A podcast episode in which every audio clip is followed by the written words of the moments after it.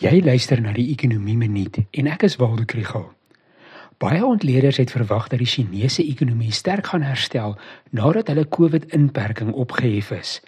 Dit het nie gebeur nie en die aanwysers bly teleurstellend. Wat is aan die gang en wat gaan die impak wees op ons hier in Suid-Afrika? Hierdie episode word ondersteun deur Economic Research Southern Africa en die NWI Sakeskool. Na die pandemie het die Chinese ekonomie stadig herstel.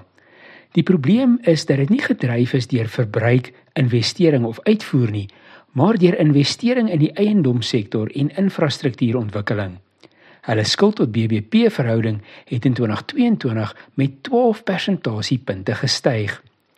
Toe die streng inperkingsmaatreëls aan die begin van hierdie jaar opgehef is, het verbruik en investering nie herstel om op te maak vir die verliese nie.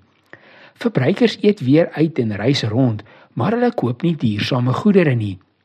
Tekens van hoe pap die ekonomie is, is dat hulle deflasie ervaar en invoere het heelwat gedaal.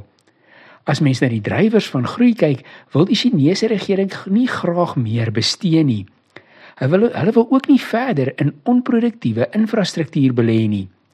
Uitvoer gaan gedem bly omdat die wêreldekonomie nie vinnig groei nie. So al wat oorbly is dat verbruikers meer moet bestee. Maar dit is moeilik om met beleid aan te moedig. Huishoudings se skuldvlakke is reeds hoog, so ander maniere moet gevind word om werkers meer te betaal of om belasting te sny, wat dan geld in mense se sakke sit om te bestee. As verbruikers onseker is oor die toekoms, gaan hulle dalk nog 'n deel van hierdie ekstra geld spaar en dan werk die plan ook nie.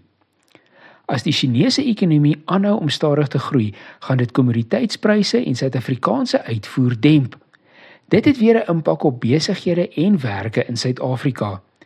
Ook die regering se begroting word geraak wanneer mynboumaatskappye nie meer groot winste maak nie en minder belasting betaal. Die ou sêding is wanneer Amerika nie skry die wêreld verkoue, maar ons moet net so bekommerd wees wanneer China griep kry.